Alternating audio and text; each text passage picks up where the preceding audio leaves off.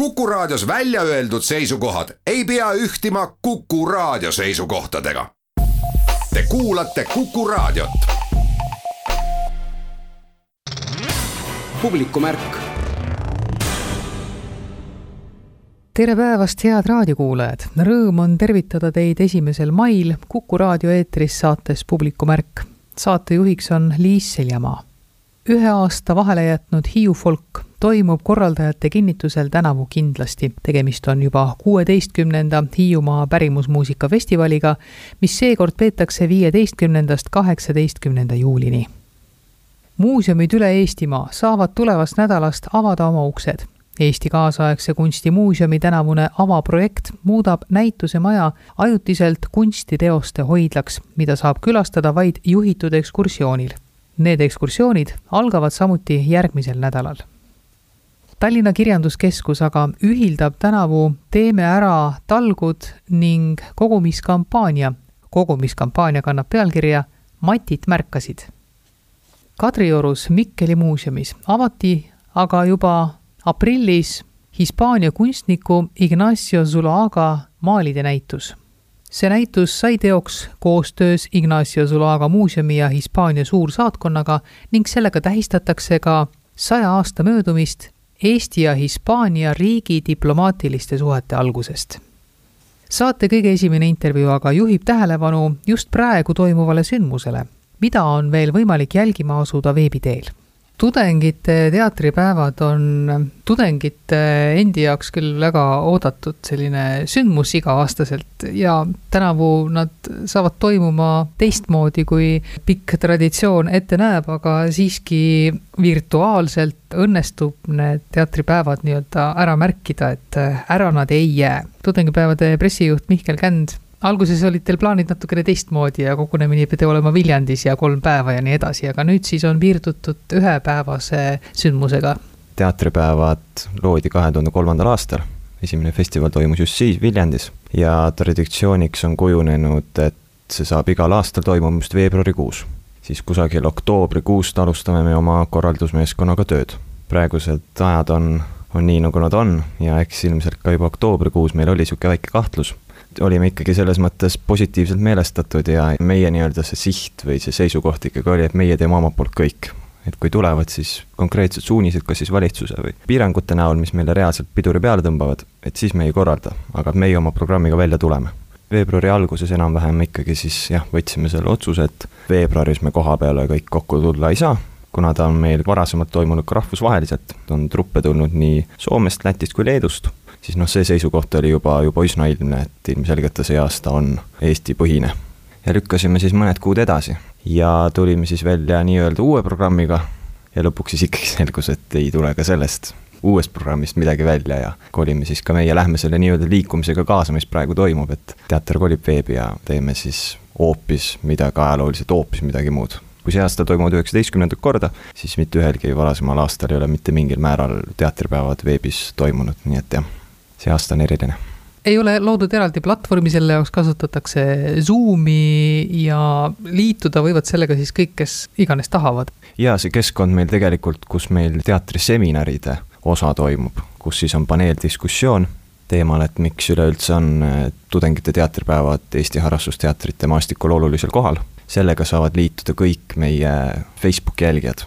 ja, ja see Zoomi osa on siis mõeldud nagu pigem juba meie sihtrühmale teatritrupid, kes see aasta liituda ei saanud, et siis nendega me nii-öelda jätkaksime Zoomis ja, ja saaksime siis arutleda üleüldse harrastusteatrite maastiku teemadel, miks on teater üleüldse oluline, kuidas see pandeemia on mõjutanud teatri tegemist. ja, ja seal siis kuulame kõigi mõtteid, vastame küsimustele ja ka Ruutu kümme, kes on meie teatripäevade ilmselt üks staažikamaid osalejaid, annab siis ka väikese niisuguse viisteist, kakskümmend minutit töötoa, improtöötoa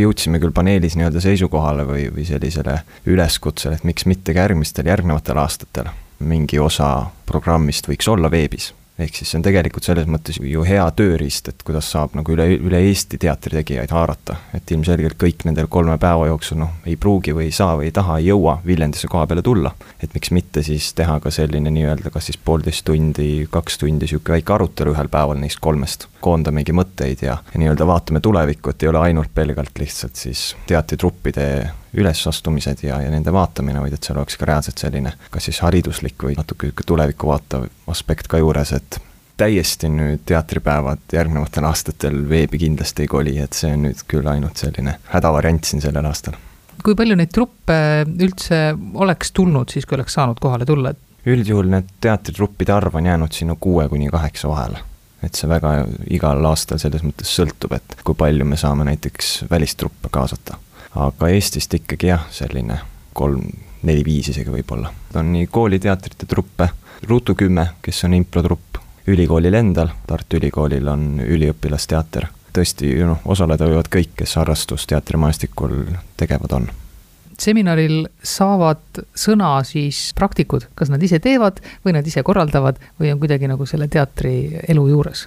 jaa, paneeldiskussioonis meil osalevad Ruutu kümnest kaks meest, Toivo Värbu, Rauno Meronen. esindatud on ka Eesti Harrastusteatrite Liidu esindaja Kristiina Oomer ja, ja meie oma Kultuuriakadeemia vilistlane Nuku teatri trupijuht ja kultuurikorraldaja Hannele Känd. räägime paneelis tõesti küll TTP-st, tudengite teatripäevadest siis, ja harrastusteatrite maastikul üleüldse toimuvast, kui ka teatrist kaasa saavad hiljem seal Zoomis siis kõneleda ja oma küsimusi esitada siis kõik meie trupi kes oleks pidanud kohale tulema veebruarikuus festivalile, meie siis osalejad. et eks me siis üheskoos proovime kaardistada seda olukorda ja vaatame siis natukene ka tulevikku kuidas teatritudengitel endil praegu läheb, see viimane õppeaasta on olnud katsumusterohke? jaa, no mina õpin ise Kultuuriakadeemias kultuurikorralduse erialal ja ka põhimõtteliselt pole aasta aega kooli saanud. ütleme, kui meie eriala on veel eriti selline, kus tuleb olla ikkagi avatud meelega ja mõtestatud, et niisugust kohanemisvõime on ääretult oluline oskus. eks ta keeruline on, sotsiaalne side või see kontakt, et nii nagu teatergi, et ta toimub ju ikkagi publiku ja, ja näitleja vahel, eks ole. täpselt samamoodi ju tekib tudengitel ka, et sa tahad ikkagi õppejõudu näha ja, ja vahetult neid mõtteid edastada, et ekraan on küll niisugune tore tööriist, mis, mis justkui mõnes mõttes võib-olla seda natuke lihtsustab, et saab vähe mugavamalt võib-olla tõesti koduseinte vahel neid asju ajada, aga see ikka ei ole päris see, nii et motiveeritus võib-olla mingil hetkel ka meil natukene kadus ära ja, eks see koroonakriis ka ikkagi noh, pani mõtlema, et, et nagu milleks me siin ikka nii väga, eks ole, punnitame, et kui tulevad kogu aeg uued piirangud, et jätame siis üldse ära ja mis seal ikka, et noh, kõik saavad ju aru, et olukord on sel aastal selline, nagu ta on ja aga jah, kui läks korraldusmeeskonna mainimiseks, siis ma nimetaks kaks nime välja, meie programmipealiku Teena Mäger ja meie peakorraldaja Johan Sireli. et suuresti nende eestvedamisel ja nende innustamisel ikkagi meie korraldusmeeskond ennast kokku võttis ja selle formaadi ikka täielikult ümber vaatasime küsimusele, et äh, miks on tudengite teatripäevad Eesti harrastusteatrite maastikul olulisel kohal, te ise ilmselt vastust teate või te ootate just, et see kuidagi nagu selguks, et ma arvan, kahtlust selles ei ole, et nad olulisel kohal on. ja kui me räägime nüüd harrastusteatritest, siis harrastusteatreid Eestis on erinevaid. on neid, kes teevadki väga professionaalsel tasemel, kes käivadki ennast nii-öelda ka eksponeerimas siis väljapoole ja väljapoole Eestit ja on ka selliseid, kes teevad noh, lihtsalt lusti pärast. me tulemegi kokku ja meil ongi äge ja et oleks selline nii-öelda niisugune hobi või niisugune huviring, kus käia. tudengite teatripäevad ilmselgelt on ikkagi harrastusteatrite maastikul sellisel olulisel kohal, ma julgeks öelda, et ega tegelikult selliseid harrastusteatritele suunatud festivale Eestis suurt ei olegi on Eesti Harrastusteatrite Liidu poolt läbiviidav harrastusteatrite festival, mis on toimunud, eelmisel aastal toimus kuueteistkümnendat korda, tudengite teatripäevad on toimunud üheksateistkümnendat korda, nii et see järjepidevus ja selline elujõulisus sellel festivalil ilmselgelt on mingisuguse jälje ikkagi siin harrastusteatrite maastikul andnud ja ma julgeks öelda küll, et see on selline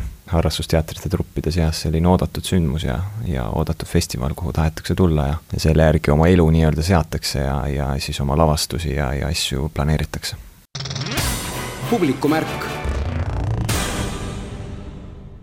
Kadriorus Mikkeli muuseumis avatud näitus, mis kannab pealkirja Hispaania hing ja kus on üles pandud Hispaania kunstniku Ignacio Zulaga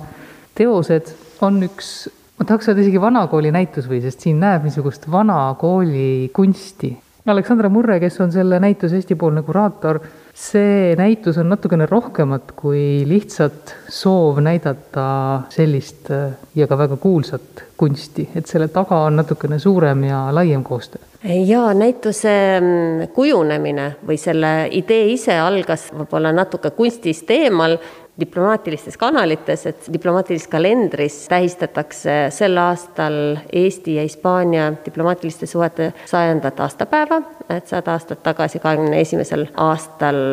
kahekümnendal sajandil tunnustas Hispaania Eesti Vabariigi ning mõeldes, kuidas seda tähistada, pöördus äh, Hispaania saadik Theresa Orjales muuseumi poole ettepanekuga teha näitus. siis me hakkasime vaatama, milline näitus võiks olla kõige sobilikum sest me tahtsime rääkida Hispaaniast, hispaanlusest, identiteediotsingutest. teema, mis on Hispaania jaoks keeruline, mis on Eesti jaoks keeruline ja mis oli keeruline, võrdselt asjakohane ja aktuaalne kahekümnendatel aastatel, kahekümnendal sajandil. et sada aastat tagasi Eesti kunstis tegeleti selle küsimusega, mis on rahvuslikku koolkond. Hispaanias olid samad küsimused, loomulikult teistsuguse eeldusega, hispaanlastel on selja taga suur võimas äh, maalikunsti koolkond, mis ulatub aastasadadesse. Eesti kunst on noor, kuid küsimus, kuidas rahvusliku riigi tingimustes luua oma uut kunsti toetudes vanale, see lähenemine sarnane, seepärast Zuluaga, kes on kahekümnenda sajandi Hispaania kunstis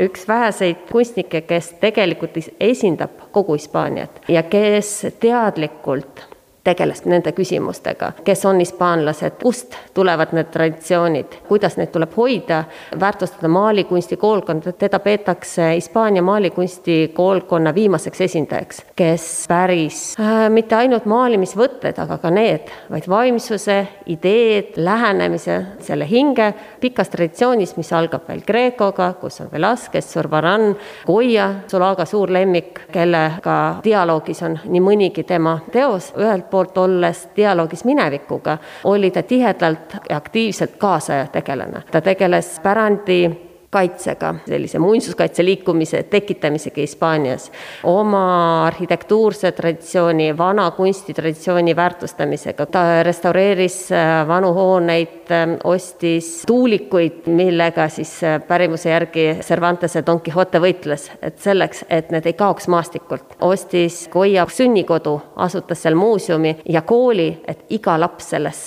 väikses linnakeses Fuente Todoses igavesti teaks, kes on Goya, sest ükskord, kui ta jõudis jõudis Fonde Todasesse, küsis poisilt, et kes see on Goya, siis ta küsis, kas see on pagar. see vihastas või, või tekitas õudust Solaagas, siis ta otsustas seal rajada kooli, et sellist olukorda ei saaks eh, tekkida. et äh, hispaanlased oskaks oma traditsiooni väärtustada ja seepärast teda Hispaanias väga paljud ei armastanud. ta näitas Hispaaniat mitte sellisena, nagu ta paistab turismi klantsajakirjade kaantel. päikesele paisteline, lopsakad puud, kaunid naised, vein, kitarrimuusika. ta näitas teist poolt, ta näitas ka Sise-Hispaaniat, kõledaid kõrbelisi mägimaastikke, karme inimesi, kelle elu on tegelikult ellujäämine ja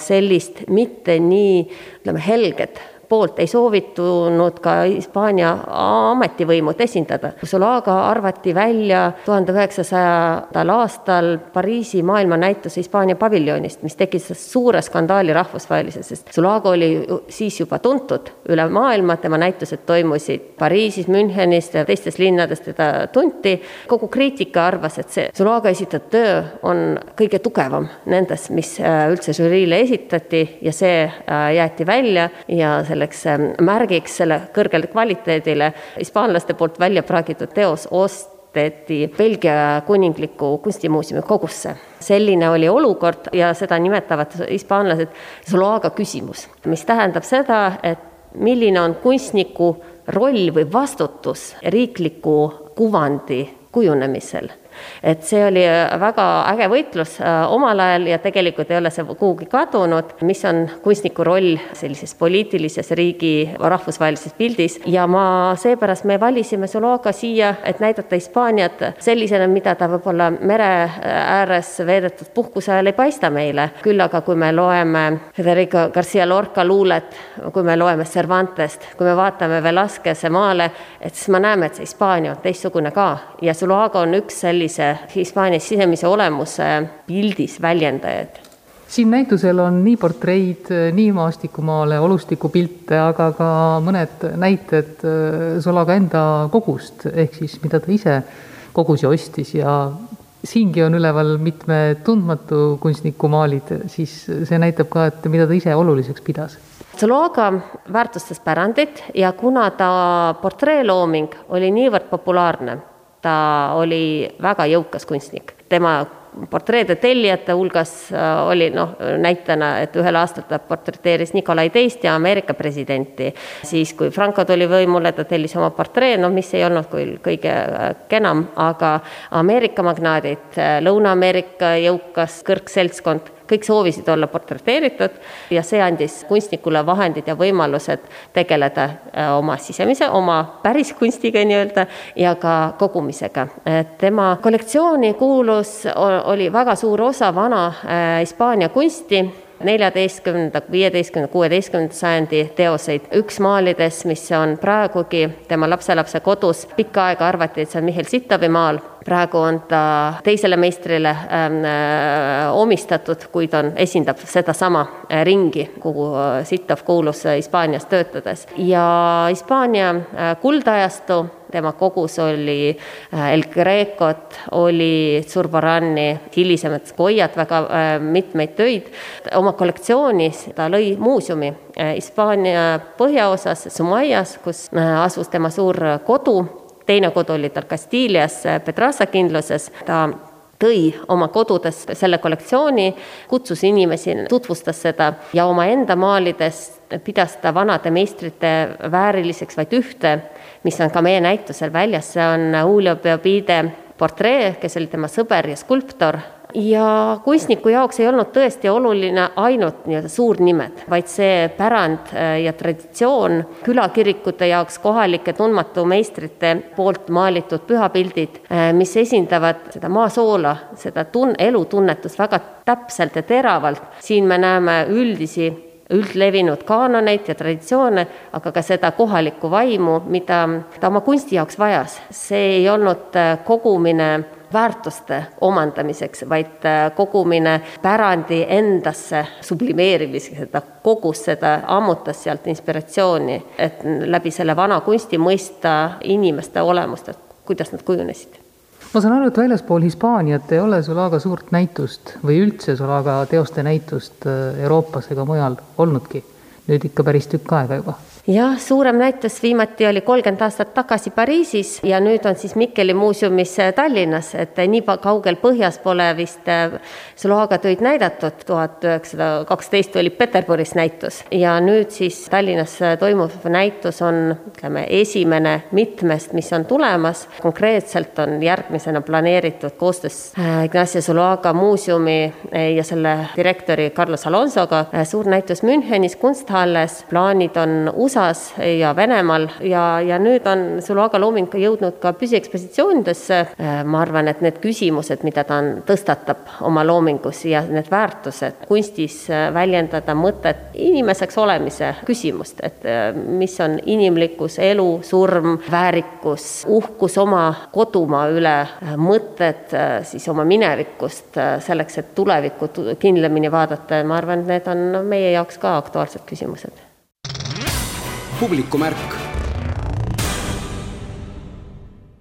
maikuu jooksul saavad inimesed meenutada Mati Unti ka nii, et liituvad kogumiskampaaniaga Matit märkasid. see on Tallinna Kirjanduskeskuse poolt ellu kutsutud niisugune Mati Undi kohta mälestuste kogumise talgu. Tallinna Kirjanduskeskuse direktor Maarja Vaino, see algatus on selles mõttes väga tänuväärne, et eks neid mälestusi Mati Undist on ju jagatud siin ja seal ja tema kolleegid ja lähemad võitluskaaslased on igasuguseid asju rääkinud ja päris palju. aga Mati Unt oli selline isiksus, kes kindlasti jättis ereda jälje, kas nüüd just iga eestlase ellu, aga ikka päris hulga eestlaste ellu küll. et need on just need, mille jahil te võib-olla eelkõige olete või? Jaa, me oleme nende mälestuste jahil, mis ei ole seni trükis ilmunud ja teiseks, mille puhul võib-olla ei tule kokku sellist mitmeleheküljelist pikka mälestuste heietamist, vaid mis ongi just sellised killukesed. aga kui neid killukesi on palju, siis kokku nad moodustavad ikkagi jälle väga olulise allika selle autori kohta ma isegi tean selliseid ja mul endalgi on Mati Hundiga seoses niisuguseid isiklikke mälestusi, nad kõik ei ole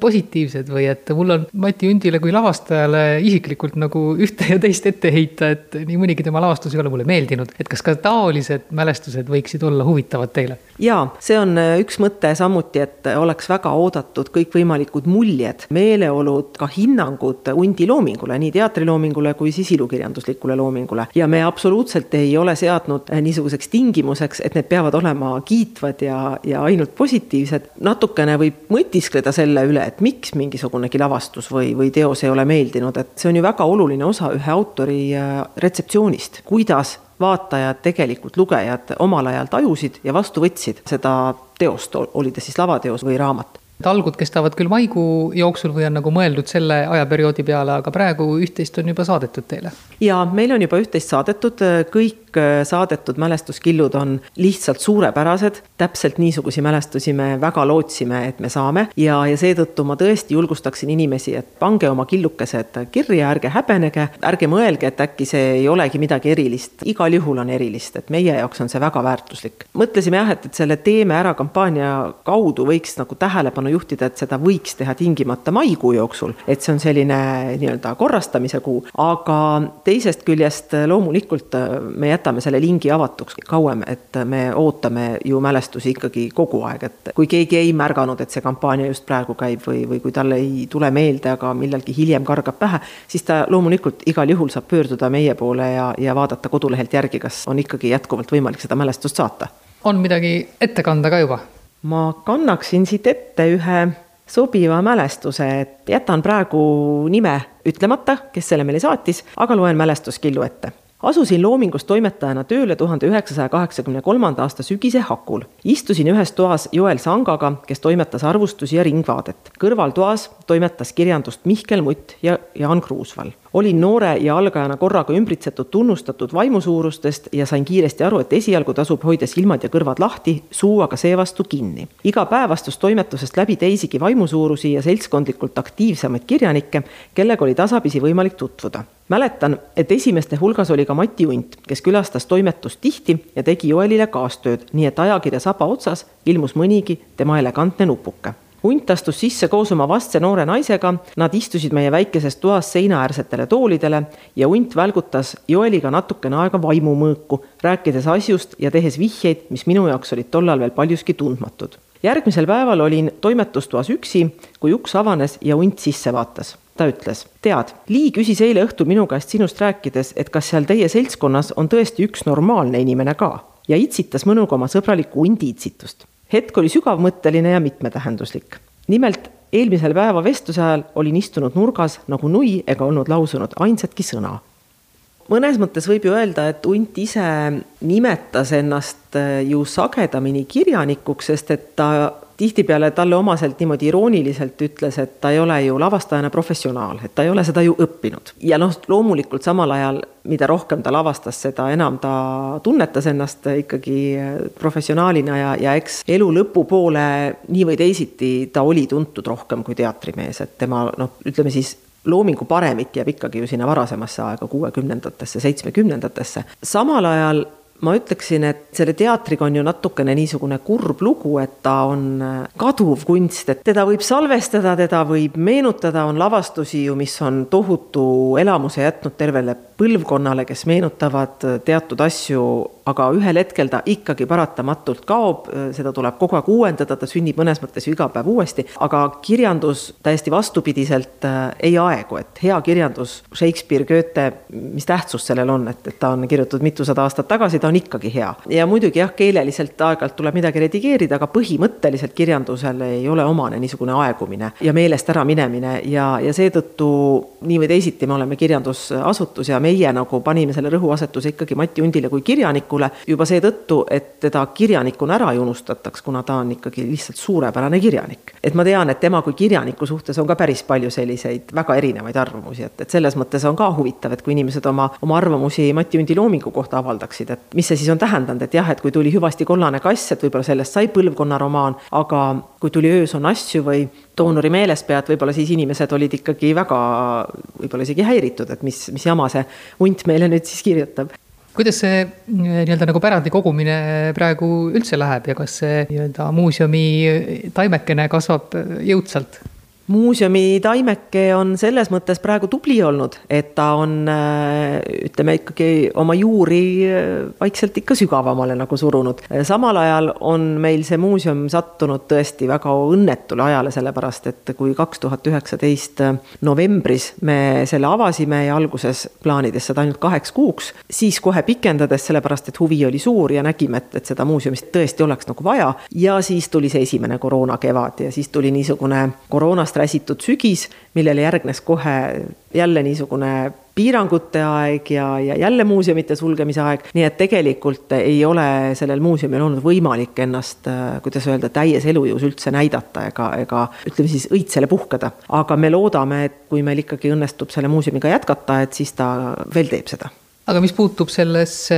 kogumiskampaania pealkirja ehk Matit märkasid, siis äh, ma usun, et märgati ikka küll ja ehkki ka tema lahkumisest on nüüd juba mõned head aastad möödas, siis unustatud teda kohe kindlasti ei ole jaa, ma arvan ka, et ei ole. mulle isegi tundub, et veel praegu liigub äh, ringi päris palju inimesi, kes võib-olla mäletavadki seda hundi kuju. Äh, seda on Mihkel Mutt kuskil väga ilusasti kirjeldanud või öelnud, et Tallinnat nagu ilma Mati hundita ei olegi olemas, et tema siiamaani, kui ta liigub ringi nendes kohtades, kus need Mati hundi sipelgarajad olid, ei imestaks, kui talle hunt vastu tuleks, sest et ta kuidagi käis selle vaimsusega ja, ja kõigega nagu nii kokku. ja me oleme ikkagi jah, päris palju kohanud inimesi, kellele ta jät, on jätnud oma, oma ka isiksusega mingi sellise väga ereda mulje või ereda mälestuse, nii et kindlasti ma arvan, et neid inimesi on ja ma loodan, et nad leiavad meid üles. publikumärk Eesti kaasaegse kunstimuuseumi tänavune avaprojekt kannab pealkirja Reskriptitud EKKM-i kogude külastus. tegemist on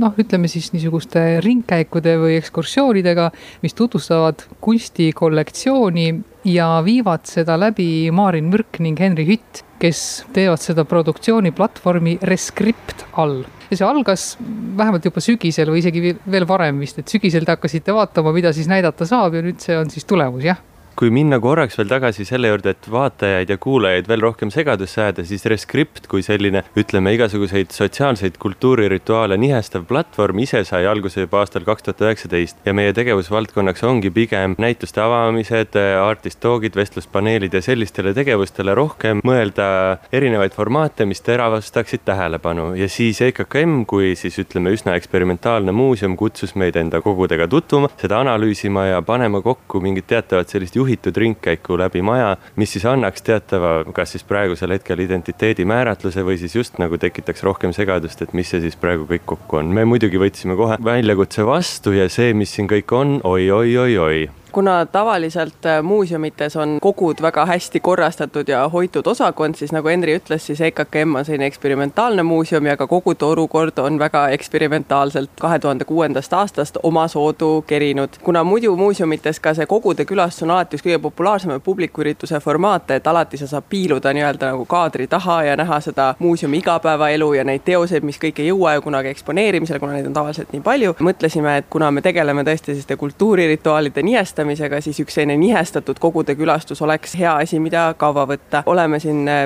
tuhninud selles kultuurikihis ja tuvastanud terve hulga teoseid, äh, mis on võib-olla juba publikule paremini tuttavad, aga selle kõrval leidsime üles ka igasuguseid artefakte, mille saatus tihti jäigi võib-olla ebamääraseks ja mille kohta me saame siis õhku visata erinevaid hüpoteese, et mis need on, kus need tekkinud on ja kõige olulisem ikkagi, et mida selle kõigega edasi peale hakata, et EKKM, et selline muuseumi mängimine ja võib-olla ka muuseumile kui sellisele väljakutse esitamine esitamine, kogumispoliitikale väljakutse esitamine, et kuidas seda siis teha jätkuvalt mänguliselt ja nii, nagu ükski teine muuseum ei tee. siin on ju tihti ka selliseid asju, mida ongi nagu raske füüsiliselt koguda või et äh, mis selle EKKM-i ülesanne siis õigupoolest on, mida koguda või kuidas koguda või noh, koguda on ikkagi mõtet ju asju, mis on nii väärtuslikud, et neid säilitada järeltulevatele põlvedele kuidas koguda, ongi võib-olla siinkohal kõige huvitavam küsimus, sest et nagu inimesed, kes siin käinud on, võib-olla nagu teavad, et see olukord kogumiseks ei ole teab mis kõige turvalisem ja väljapeetum. ja mis meie avastasime selle käigus, et kõige huvitavam ongi võib-olla need ideed ja need tekkelood, kuidas need teosed on siia saanud ja see, miks ka mõeldes, et nagu reskript ja nihestatus on see, et võiks öelda, et suurel määral on tööd siia saadud mingite huvitavate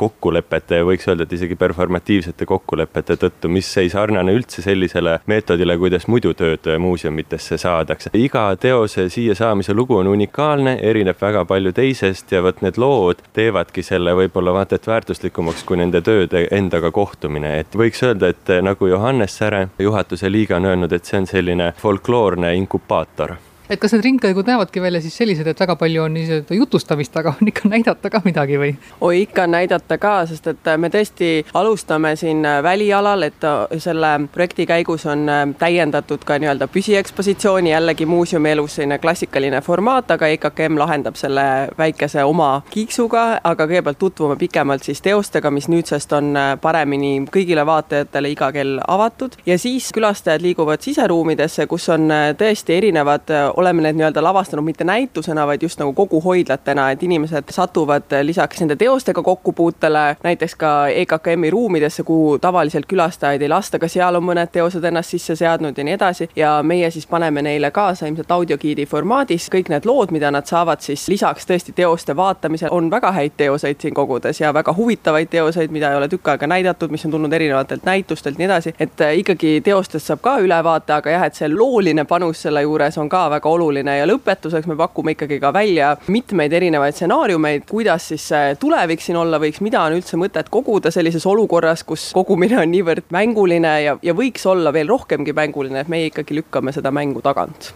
no kui mõelda selle peale, et tegutsetud on juba viisteist aastat, siis mingisugune selline väike inventuur võib-olla tuleb kasuks. kindlasti ja selle viieteist aasta jooksul, mis on kõige huvitavam meie jaoks, on just see suundumus, et kui hakkas pigem sellise eksperimentaalse punkmuuseumi loomisest, siis kuidas vahepeal on üldse nagu tähtede seis ja ühiskonna areng läinud selliseks, et kuidas toimub praegu nagu tööde kogudesse võtmine ja millised mõtted on praeguste kunstnike peas, kes oma töid siia kollektsiooni saavad siis, et kuidas need tehingud on tehtud ja kuidas see kõik on nagu kujunenud, aga nagu ka ka Maarin ütles, tulevikustsenaariumid ongi vaata, et võiks öelda, et väga suure rõhuasetusega selle tuuri vältel, mis paneb ka mõtlema selle peale, et kui me siiski viibime nagu muuseumis, et ka nii saaks muuseum olla, kui lõpuks võib-olla jääbki ainult nagu lood, folkloor ja ettekujutlused tegelikult ega Rescript ei ole esimene, kes sellesse kultuurikihti sukeldub, et eh, Exit Maja poolt kuraatorid on teinud kaks varasemat sellist ülevaatenäitust ja publikule ikkagi ju peab ju kogusid nii-öelda näitama teatud perioodi jooksul. vist kaks tuhat üksteist, kui Anders Särm tegi esimese sellise suurema sissevaate kogudesse näituse kujul, siis tegelikult ta sõnastas ka need kogumisprintsiibid, kus ta soovis, et EKKM eralduks sellisest kunstinuiajate nagu traditsioonist, et kui sa oled muuseum, sul peab kogu olema, aga kuidas see kogu tuleb, et ei tahaks hakata nagu kunstnikelt töid välja pressima pressima ja siis nad jõudsidki koos tollase juhatuse ja eestvedajatega selliste mänguliste tehingute, ideede, vahetuskaupade, partnermajanduse sellistele mudelitele. aga et kindlasti neid viise, kuidas endale kogu tekitada ja mida üldse koguda ja mida sellega hiljem teha, sest et lõpuks need asjad ikka võtavad võimust ja et kunsti keskel on väga hea ja huvitav elada, aga ühel hetkel ikkagi tuleb nende eest ka jälle omakorda hoolt kanda külastajad peavad meeles pidama põhiliselt siis vist kahte asja, et toimub see kõik registreerimise alusel ja vastavalt äh, ilmastikuoludele tuleb ennast riidesse panna. seda küll ja lisainfot saab vaadata siis Kanuti gildisaali kodulehelt, kes on meie kaasprodutsent ja kelle kaudu käib registreerimise protsess. aga mis puudutab siis, kui te jõuate kohale siia vana aadressi järgi Põhjapuiestee kolmkümmend viis, uue aadressi järgi Rumbi kolm, nii-öelda intro ja sissejuhatus kõigesse sellesse toimub väljas, kus mõnusas õhkkonnas seletatakse juba maja ajalugu, mis ise kuulub ka kollektsiooni, mis siit kõik on ja siis tähelepanekud sees viibimiseks ja uuesti me võtame külastajad vastu, kui nad on teatava metamorfoosi läbinud ja nii-öelda anname neile veel omakorda teatava uue vaatenurga, kuidas nende kõikide teadmistega nüüd siin elus vaatemänguliselt edasi elada. palju inimesi korraga tulla saab? kokku saab ruumidesse minna üheksa inimest kondama aga siin on väga hästi võimalik hajutuda, maja on suur, me oleme terve selle maja kasutusele võtnud ja kindlasti paneme südamele, et hoida kõiki parasjagu kehtivaid hea tava reegleid, kuidas siis näituseid külastatakse, nii et me kombineerime sellist välikülastust ja individuaalset näitusekülastust siis siseruumides see võiks olla hea võimalus nii-öelda sissevaateks ka neile, kelle jaoks see on täitsa nagu tundmatu maailm või? kahtlemata, sest me ise nimetame seda lavastatud või juhitud ringkäiguks, mis siis siiski annab natukene sellise teatraalsema või mängulisema alatooni, mis ei pane küll vaatajat või külastajat kuidagi tegema midagi, milleks tal soovi ei ole, aga selle võrra, et see ei ole ainult näituse külastus, on ka pooleldi selline, ütleme, etenduskunstilaadne seisund, on see nii-öelda vaatenurk palju laiem ja ilmselt ka palju selle võrra sobilikum inimestele, kes võib-olla arvavad, et oh, et mis nüüd mina nendesse tööde süvenemises, aga selles ringkäigus endas on teatav selline salapärane järjestus olemas, et see on kindlasti ka kõigile seiklushuvilistele, kes võib-olla otseselt isegi nagu töödega süvitsi ei soovi tutvuda, vaid lihtsalt soovivad elamust kui midagi sellist. publikumärk eelmisel nädalal tuli kindlasti rõõmustav sõnum väga paljudele pärimusmuusika sõpradele, kes ka ühtlasi Hiiumaad armastavad ja teada anti sellest, et aasta vahele jätnud Hiiu folk toimub sellel suvel kindlasti. tegemist saab olema kuueteistkümnenda Hiiumaa pärimusmuusika festivaliga, mis kesksuvel siis viieteistkümnendast kaheksateistkümnenda juulini taas kokku kutsutakse. festivali juht Astrid Nõlvak, kui kindel sa selles väljakuulutamises veel aasta alguses olid? Aasta alguses tõesti veel väga kindel ei olnud ja sellepärast me ka viivitasime selle infoga ja natukene vaatasime, mis ümberringi toimub ja olime sellisel äraootaval seisukohal. aga nüüd on tõesti nii, et me saame selle kindlalt välja öelda, et Hiiu folk tänavu sel aastal kindlasti toimub ja võib-olla lihtsalt, kuna me ei ole ka puutumatud sellest, mis siin toimuma võib saada, siis võib-olla lihtsalt on mingisuguseid äh, muudatusi äh, tulemas korralduslikult, aga see selgub ka siis, kui äh, festival lähemale jõuab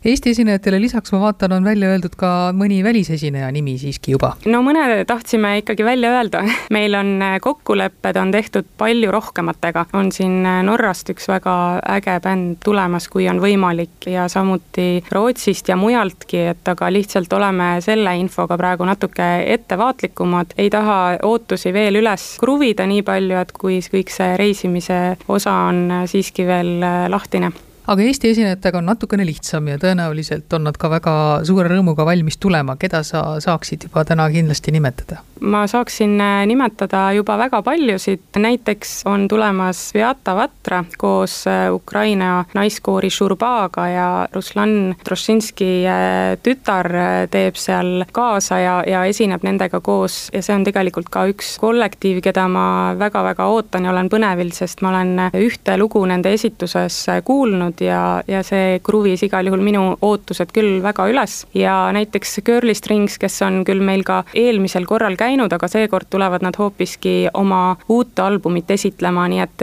väga head muusikud ja samas uue kavaga, et, et ma arvan, et see on samuti selline väga vägev pärl, mida tasub kuulama tulla ja eks siin võib neid esinejaid järjest nimetada, Estonian Voice'is oma suurepärases headuses ja Mari Kalkun samuti, kes toob uut loomingut kaasa. Justament, vana hea ansambel, aga samuti on neil ka vahepeal sündinud uusi lugusid ja näiteks üks huvitav kollektiiv on Tintura, kes on uurinud Siberi eestlaste lugusid ja teeb siis oma esinemise just Siberi eestlaste lauludega koos, nii et seal kuulamist, vaatamist on palju Puuluubil on ka uus album valmimas, nii et küllap nemadki seda jaa, laulavad. Puuluup tuleb ja, ja Duo Ruut pluss siis kaks toredat noort tütarlast äh, ühe kandle peal äh, ja ilusate häältega loovad müstilisi helisid ja samuti rihvarrika ja neid on veelgi. Kas esinemispaikade osas on mõeldud ka selle peale, et äh, võimalikult palju saaks teha vabas õhus, no see on muidugi folgifestivalidel olnud selline tavaline, aga Hiiumaal leitakse ikkagi ka siseruume. Pealava ongi ju ikkagi vabas õhus, samuti vabas õhus äh, saab matkata, et on väga põnevad loodusmatkad äh, tulemas, äh, ühel loodusmatkal Heinlaiule. On võimalik kuulda ka Piret Pääri poolt lugusid ja samuti Tuule Kanni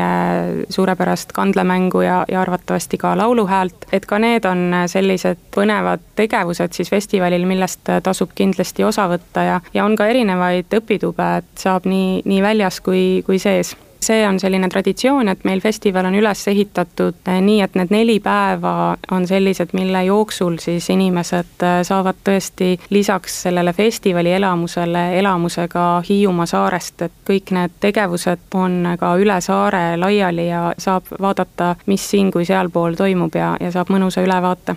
Need esinemispaigad, mis on olnud, noh, Sõru paadikuur, Kassari Kiige plats, need on ikka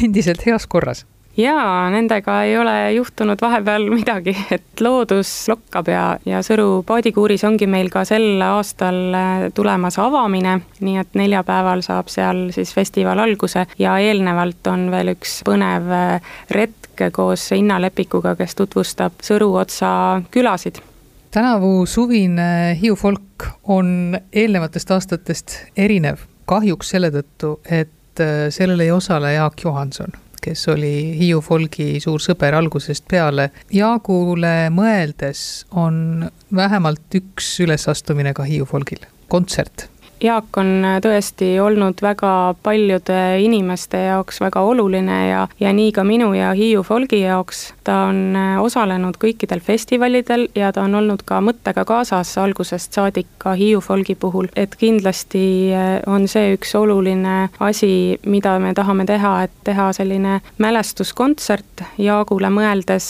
ja Krista Tsitrajonas, Jaagu siis lesk, tema on väga palju aidanud ka ka seda kaasa mõelda, et kuidas see võiks välja näha ja, ja juba panime ka sellele pealkirja, et Jaagu laulud, laulud Jaagule et siis saavad äh, inimesed, kes tulevad sellele kontserdile Jaaku siis meenutama, võib-olla ka Jaagust paar sõna rääkima, võib-olla läbi laulu lihtsalt rääkima või mõtlema tema peale, et saavad siis laulda nii äh, Jaagule mõeldes mingi loo kui ka loo Jaagu repertuaarist, et ka need Jaagu lood äh, edasi elaksid. ja see on meie festivali lõpukontserdiks planeeritud, et sellega tahaksimegi sel aastal selle festivali kokku võtta ja, ja lõpetada korralduslikus mõttes, mida see festivalile tähendas, et eelmine suvi vahele jäi? no ma arvan, et nii nagu paljudele kultuurikorraldajatele oli see tegelikult ikkagi väga äh, ränk ja raske ja nukker ka. noh, esiteks oli juba suur töö tehtud ja ega kui sa ikkagi aasta vahele jätad, siis on ikkagi äh, võib-olla jälle järgmisel aastal vaja natukene rohkem äh, meelde tuletada ennast ja seda, et et, selline tore festival olemas on ja jälle leida uusi koostööpartnereid, kes samamoodi usuks sellesse kõigesse, nagu sa ise. kindlasti sellised asjad mõjutavad väga palju ja, aga jah, et püüame ikka positiivsed olla ja loodame, et sellel aastal tuleb nii-öelda uus selline tuul alla ja tuleb uus hoog äh, sisse, et, et see aasta, mis ära jäi, et, et see ei saaks kuidagi üleüldse, ma mõtlen mitte ainult Hiiu folgi peale, vaid üleüldse Eesti kultuuri peale, et see ei saaks äh, inimesi äh, maha kiskuma, sest korraldajana ausalt öeldes see on päris selline tugev mõjutus ikkagi ja, ja kuigi festival ja kõik see, mis Hiiumaa pärimusmuusikafestivaliga seotud on, näiteks minu kui korraldaja jaoks, kuigi ta on väga oluline minu jaoks kogu aeg olnud, siis ikkagi äh, sellised äh, raskused paratamatult panevad sind mõtlema, et kas edasi ikkagi ja, ja kuidas edasi, sest sulle mingil hetkel tundub, et sa ei olegi millegi eest ju väga kaitstud ja eeltöö ja ka mingid võib-olla kulutused, mis sa oled teinud, sul ei ole võimalik neid kuidagi tagasi saada, et need riskid, mis sa võtad, võivad ühel hetkel lihtsalt paisuda nii suureks, et tekib küsimus, kas sellel on nagu sel kujul mõtet. aga õnneks mina ja ka Hiiu folk leidsime ikkagi selle mõtte üles ja, ja tahame kõike seda head nüüd inimestega jagada ja rõõmu ja, ja ilu, mida Hiiumaa ja Hiiu folk pakkuda saavad. Praegu on festivali ka juba saadaval, aga kui inimene tahab ikkagi natukene rohkem kindlust, et millal on siis selge, kes mis päeval esineb ja kuidas see programm täpselt välja näeb ma arvan, et kusagil mai keskpaigas me ikkagi ütleme selle terve programmi välja, sest kuigi kõik on praegu juba tegelikult paigas, siis me ikkagi ähm, natukene veel ootame ka seda selgust valitsuse poolt ja pisut vaatame, et kas seda kõike sel moel korralduslikult siis teha saab, nagu me oleme planeerinud. mai keskel saavad inimesed juba päris täpselt teada, et jälgige Hiiu Folgi Facebooki lehte ja kodulehte Thank you.